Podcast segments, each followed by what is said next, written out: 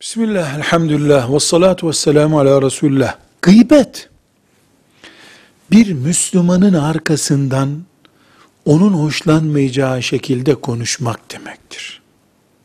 Bunu Allah haram etmiştir.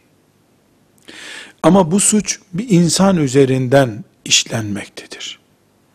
Dolayısıyla gıybette her şeyden önce istiğfar edilecek. Allah'ın affı dilenecek çünkü haram ettiği bir iş yapılmıştır. Mümkünse o kişiye gidilip hakkınızı helal ediniz bir yanlışlık yaptım denecek, helallığı alınacak, özür dilenecek.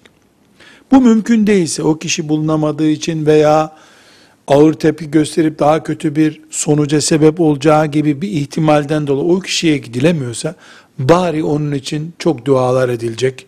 Onun için hayırlar yapılacak ki kıyamet günü o müminle hesaplaşma riski kalmasın.